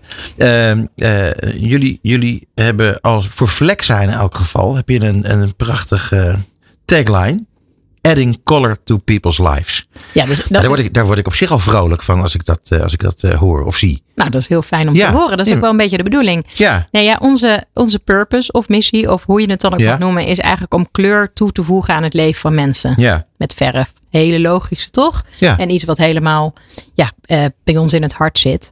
Ehm, en eh, wij proberen er ook echt de daad bij het woord te voegen. Dus als je kijkt wat kleur voor mensen. Wij geloven echt dat kleur waanzinnig veel kan doen voor Mhm. mensen. Dus wij noemen dat wel zegt de, de, power of color. Of de kracht van kleur. Of zelfs de transformatieve kracht van kleur. Eh, kleur heeft heel veel effect op hoe je je voelt. Of hoe je, hoe je, Zeker. Hoe je leeft. En, en, en ja, de wereld om je heen. Dus wij, nou, dat is eigenlijk wat we doen. Hè. Elke dag verkopen we dat. We verkopen verf, we verkopen kleur en we verkopen dat gevoel. Ja. En als je kijkt naar onze tagline, dat is eigenlijk Let's Color. Dus Flexa Let's Color. Eh, die gebruiken we ook eh, wereldwijd. En ehm, ehm, daar voegen we ook de daad bij het woord. Hè. Dat is een activerende tagline, maar dat is ook meteen ons activatieprogramma. Ehm, waarbij we eigenlijk eh, proberen, ehm, eh, proberen kleur toe te voegen aan de communities waarin we leven. Dus bijvoorbeeld ehm, ehm, ja, sloppenwijken op te knappen. Omdat we geloven dat als het er mooi en netjes uitziet, dat mensen veel beter kunnen floreren en veel, ge, ja, veel fijner kunnen En, en leven. dat blijkt dan denk ik ook, of niet? Dat neem ik aan dat je dat, als je dat doet, zo'n activatie, dan, dan onderzoek je dat. Eh, wat is het effect? Ja. En dan blijkt dat te werken. Ja, ja, ik zien- geloof er ook heilig in. Ja, we zien er echt waanzinnig mooie, mooie effecten van. Eh, eh, zeker, eh, we doen in Nederland natuurlijk dingen. We werken ook samen met SOS Kinderdorpen bijvoorbeeld. Om, om ja, eigenlijk die kinderen een betere leefomgeving te hebben. Ja. Maar we doen dat, ja, we doen, dit gebeurt dus wereldwijd. En ehm, nou, een voorbeeld wat ik wel kan noemen is in Turkije een paar jaar terug. Kusadasi hebben Ja. we gedaan. Dat was eigenlijk ehm, een, ja, een soort heuvel waar een, ja, een wijk op zat waar je eigenlijk nou, bijna niet heen kon. We gingen ook de productie daar doen en wilden een taxi daar naartoe nemen. Zei ze, willen jullie echt daarheen? Dat is gewoon gevaarlijk, bij wijze van spreken. En eigenlijk is die hele wijk geschilderd Ja. eh, door ons en onze, onze collega's Ja. daar. En eh, dat eh, heet nu Rainbow Hill, wordt het genoemd. Oh, werkelijk. Prachtig. En dan krijg je hele mooie verhalen terug van kinderen die dan aan de voet van, de, van, van die berg op school zitten. En eigenlijk nooit durven te zeggen waar ze woonden. En nu zeggen, ja, maar ik woon op Rainbow Hill. Oh, te gek zeg. Dus dat zijn, eh, en, en ja, dat, dat het is bijna een toeristische attractie nu. Dat, Oh ja? Dat is waanzinnig wat voor effect kleur dus kan hebben. Ja. Maar ik vind het, ik, eh, wat jullie dan doen, is ook wel een, een vorst, vorstelijke investering eigenlijk, of niet? Of, of, of mogen we het daar niet over hebben? Ja, zo duur is die verf ook voor niet, eh, Peter. Dat is juist een hele goede verf voor weinig geld. Je kunt er gewoon een hele stoppenwijken mee schilderen. Kost bijna niks. easy peasy. nee, ja, wij, wij zien het eigenlijk als een soort drie-eenheid. Dus aan de ene kant ehm, eh, zien we eh, het ook om ons merk te bouwen. Dus om Mhm. te laten zien wat kleur kan doen. Want als je hierover praat, kun je dus ook het effect van die kleur laten zien. Aan de andere kant iets terug doen voor de communities waarin we leven. hè. Mhm. En dat, ja, hè, dat, ik vind dat ook Dat moet je doen. Dat is een verantwoordelijkheid van jou als bedrijf. Als je ergens werkt, en zeker in landen waar, het- hè, waar het vaak nog veel minder is voor heel veel mensen, dan heb je daar gewoon een bijdrage te leveren. Eh, maar ook naar onze eigen werknemers. Dus dit is iets wat we doen met vrijwillige Ah, werknemers van onze, ja, onze eigen collega's die daar gaan schilderen. Dus het is eigenlijk ook een intern motivatieprogramma. Ja, dus eh, Ja. En, en ja, je merkt gewoon, ja, ook zelf heb ik, ik, ik ben heel trots altijd als er dit soort eh, projecten gedaan worden. Maar je ziet dat ook, dat zie je echt terugkomen bij alle collega's. Ja, wat prachtig. Hoeveel collega's zijn er eigenlijk? Oh, dat, ja, ik, er zijn er best wel wat. Ja, ja, Weet ik even niet uit mijn hoofd, sorry. Ehm, maar nog even over eh, sustainable. Want eh, als ik het woord sustainable hoor, dan denk ik niet direct aan verf. Uiteindelijk eh, zijn dat toch hele grote chemische fabrieken, of, of zie ik dat verkeerd? Ja, nou, dan is er dus ook heel veel te doen. Nee, eigenlijk is sustainability staat echt heel erg hoog bij Axel Nobel. Ehm, wij richten dat in ehm, op eigenlijk eh, drie onderdelen. Eh, People, Planet en Paint. Ja. En ehm, hè, we, we- we- ja, het is enorm belangrijk. Dit is echt wel voor Axel Nobel ja, eh, de core hoe we iets toe kunnen voegen aan deze wereld. En we zijn niet alleen verf, maar ook coatings. Dus eigenlijk alles wat je een kleurtje of een, een Ja. coating kunt geven, wat je maar kunt bedenken. En voor verf hebben we dat heel erg vertaald. Ehm, in een aantal onderdelen. Dus hè, dat people is ook dat stuk voor die communities. Hè, wat kleur kan doen en hoe je die communities dus eh, ja, waar je daar kan helpen dat je Ja. die beter kan maken. Ehm, wat we ook hebben is, eh, is eh, verf die, ehm, die eh, werkt voor de gezondheid. Dus die bijvoorbeeld eh, de lucht zelfs kan zuiveren en dat soort dingen. Serieus? Oh, cool. Ja. Ook verf met zonnecellen? Dat, eh, dat, bestaat, dat bestaat toch ook, geloof ik? Ja, wel, wel isolerend in eh, andere, andere landen, ja. Ehm, maar ook wat je bijvoorbeeld kijkt, is dat we heel erg proberen eh, naar water gedragen de verf te krijgen. Dus eh, Ja. daar zijn we enorm mee bezig. En in één land gaat dat makkelijker dan in het andere land. Hè? Dus eh, je hebt terpentine gedragen en water gedragen. En terpentine gedragen is minder goed voor de gezondheid. Ja. Ehm, maar wij, wij noemen dat de waterway. Dus we proberen enorm om die consument en de schilder te overtuigen om meer watergedragen producten te gebruiken. Die inmiddels hè, eh, minimaal zo goed zijn als, eh, als, als die andere Ja. producten. Maar je ziet wel, dit, ja, daar moet je hard aan werken. Nou, daar, En- ligt een taak, voor- daar ligt dus een van jouw taken. Ja. Ja, Dus, eh, en ook om uit te leggen zeg maar, aan die consument dat dat product net zo goed is. En natuurlijk hè, proberen onze te zorgen dat we zo min mogelijk CO2-uitstoot doen. Dat we recyclede materialen gebruiken, gerecyclede verpakkingen. Eh, wat ook wel weer leuk is met die recycled materialen, is dat je in sommige landen, in Nederland onder andere en ook in de UK, kun je je verf inleveren. En Ja. dan eh, maken wij daar weer nieuwe verf van. En dan gaan we weer van die community projecten mee doen. Oh, cool. En zo'n community, ja, dat, eh, zo wordt het echt op een goede manier hergebruikt. Dus ja, eigenlijk dat sustainability. En ja, dat moet je ook doen. Weet je, dat, dat hoort, je moet dat doen. Proberen we enorm. Ja. Maar ik moet je zeggen, ik vind het een heel overtuigend verhaal. Mensen kopen verf. Eh, dat doen ze eh, maar eh, af en toe.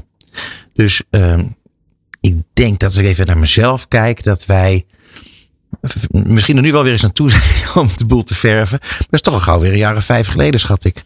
Hoe zit dat in Nederland? Ja, dat, dat zien we vaker. Maar eh, daarom proberen we ook te vertellen wat kleur kan doen. Hè? Dus vooral Ja. vaker verven. Want het, eigenlijk, uiteindelijk als je het gedaan hebt, geeft het een onwijs goed gevoel. Zeker, zeker. Ehm, en dat is ook, ook als je wel kijkt naar hoe, hè, als je dit linkt aan hoe je dat sustainable verhaal over de bühne krijgt. Als mensen maar zo weinig verven, vinden ze het nog vaak heel moeilijk om, ehm, om over te stappen op wat anders. Want je doet het niet zo vaak. Dus wat is dan de invloed? Maar Ja, dan nog precies. steeds vinden wij, ja, willen we eigenlijk natuurlijk nog steeds meer eh gerecyclede producten en gerecyclede verf ook gebruiken. Of op, eh, eh, op bio, bio-based materials gebruiken we daarin ook.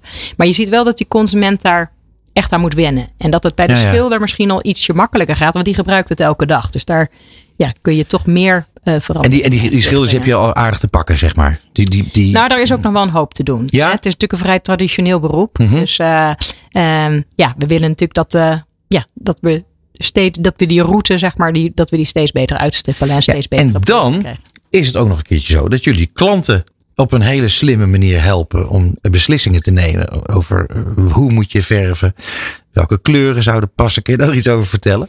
Ja, nou ja, vanuit dat geloof dat eh, veel kleur toevoegen, dat dat eh, goed is voor Ja. jou en dat dat, eh, dat, dat goed gevoel geeft.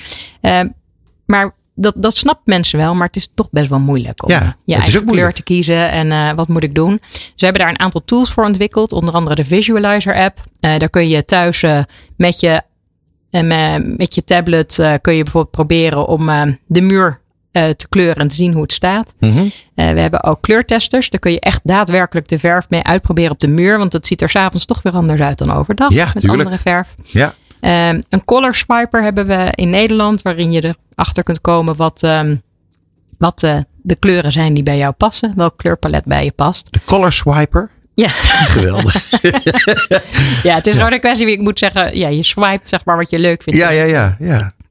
Dat is Eh. schitterend. En eh, vertel nog eens even, eh, ik ben namelijk een beetje vergeten, maar je vertelde hoe vaak die Visualizer app is gedownload. Ja, de, de laatste het is over 30 miljoen keer in, in de wereld. Over de Dus 30 miljoen keer. Dat is toch fantastisch? Ja, daar zijn we ook wel trots op. Ja, dat begrijp ik. Het is een, prachtig verhaal. Ehm, ik ik ehm, moet je zeggen, Kim, dat ehm, wat je doet voor Actie Nobel en voor de merken waar je verantwoordelijk voor bent, vind ik heel sympathiek. Heel mooi. eh, en eh, adding color to people's lives, dat is toch wel, eh, nou, dat vind ik echt een compliment waard. Nou, dus bij deze. eh, dat betekent ook dat ik je gelijk moet gaan bedanken voor dit gesprek. Eh super fijn dat je hier naartoe bent gekomen. En eh, wij, wij gaan zeker nog meer van jou horen. Ik vond het leuk om hier te zijn. Dankjewel. Dankjewel. Dit is Marketing Report. Met Peter Wiebinga en Bas Vlucht.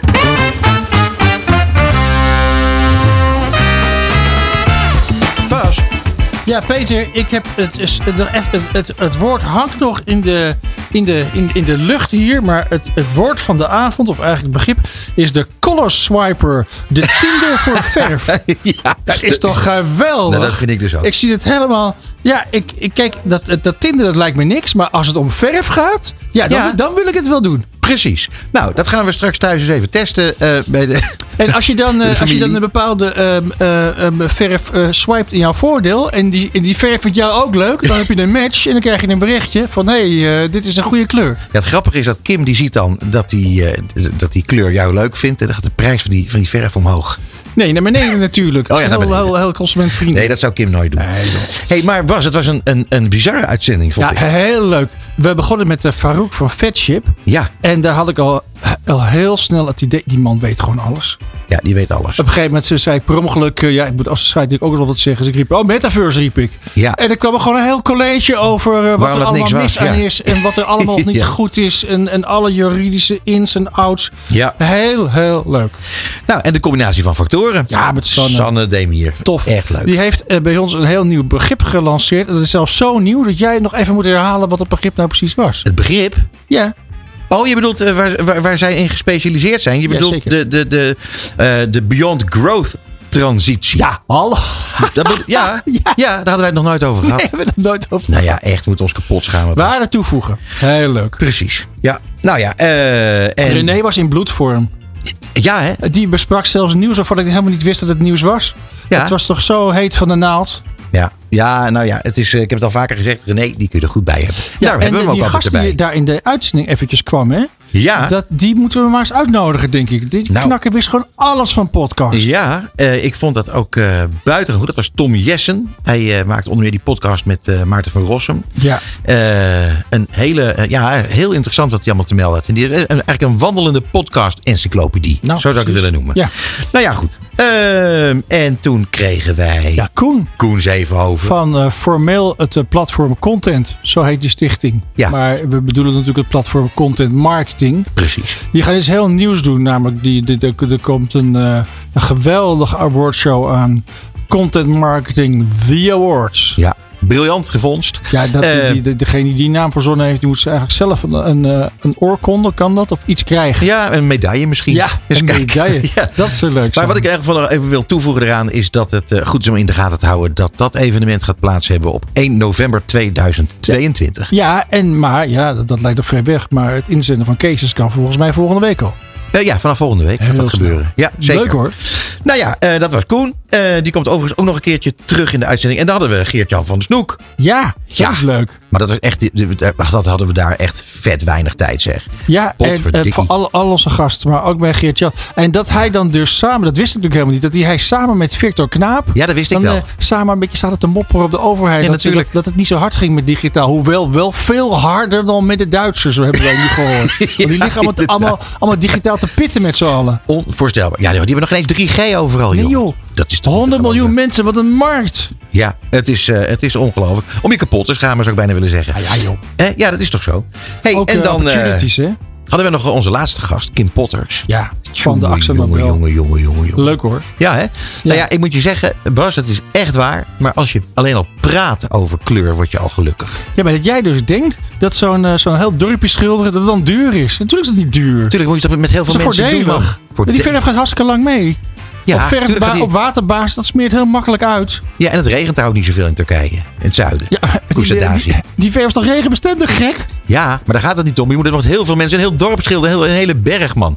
Nee, Ja. ik moet je zeggen dat ik, eh, ik vind het allemaal heel indrukwekkend. En ik eh, zal nog sterker vertellen, Bas. Ik denk dat ik eens ga kijken in Koesadazi. Ja, kijk, wat onze luisteraars natuurlijk helemaal niet kunnen zien... en wat ik vind ook niet zoveel uitmaakt... maar wat wij kunnen zien... wij kunnen door het, door het raam van de studio heen... zien wij, eh, dat mag mensen best wel eens weten... dat al onze gasten, ook van anderhalf uur geleden... die zitten nog gewoon Precies. aan tafel te netwerken. Ze hebben ook eh, um, de gasten bij New Business Radio... ze hebben een, een wijntje of een, Ja, of een biertje... gin. of iets fris hebben we ook. Ja, fris. Met wat, wat, wat, wat, wat te nibbelen. Lekker hoor. Goed, we gaan er een eind aan breien, Bas. Ik vond, Ja. het heel erg, ik vond jouw bijdrage vandaag vond ik, uitzonderlijk goed. Echt Oh, waar. dankjewel. Ja, ik vond het heel goed. Dus dat mag ook wel eens een keer gezegd worden. Nou. En wat ik ook heel erg fijn vond, dat Daan Prins, die heeft onze techniek vandaag verzorgd. En dat heeft hij op formidabele wijze gedaan. Fijntjes. Ja, echt, eh, nou heel graag tot eh, over een maand.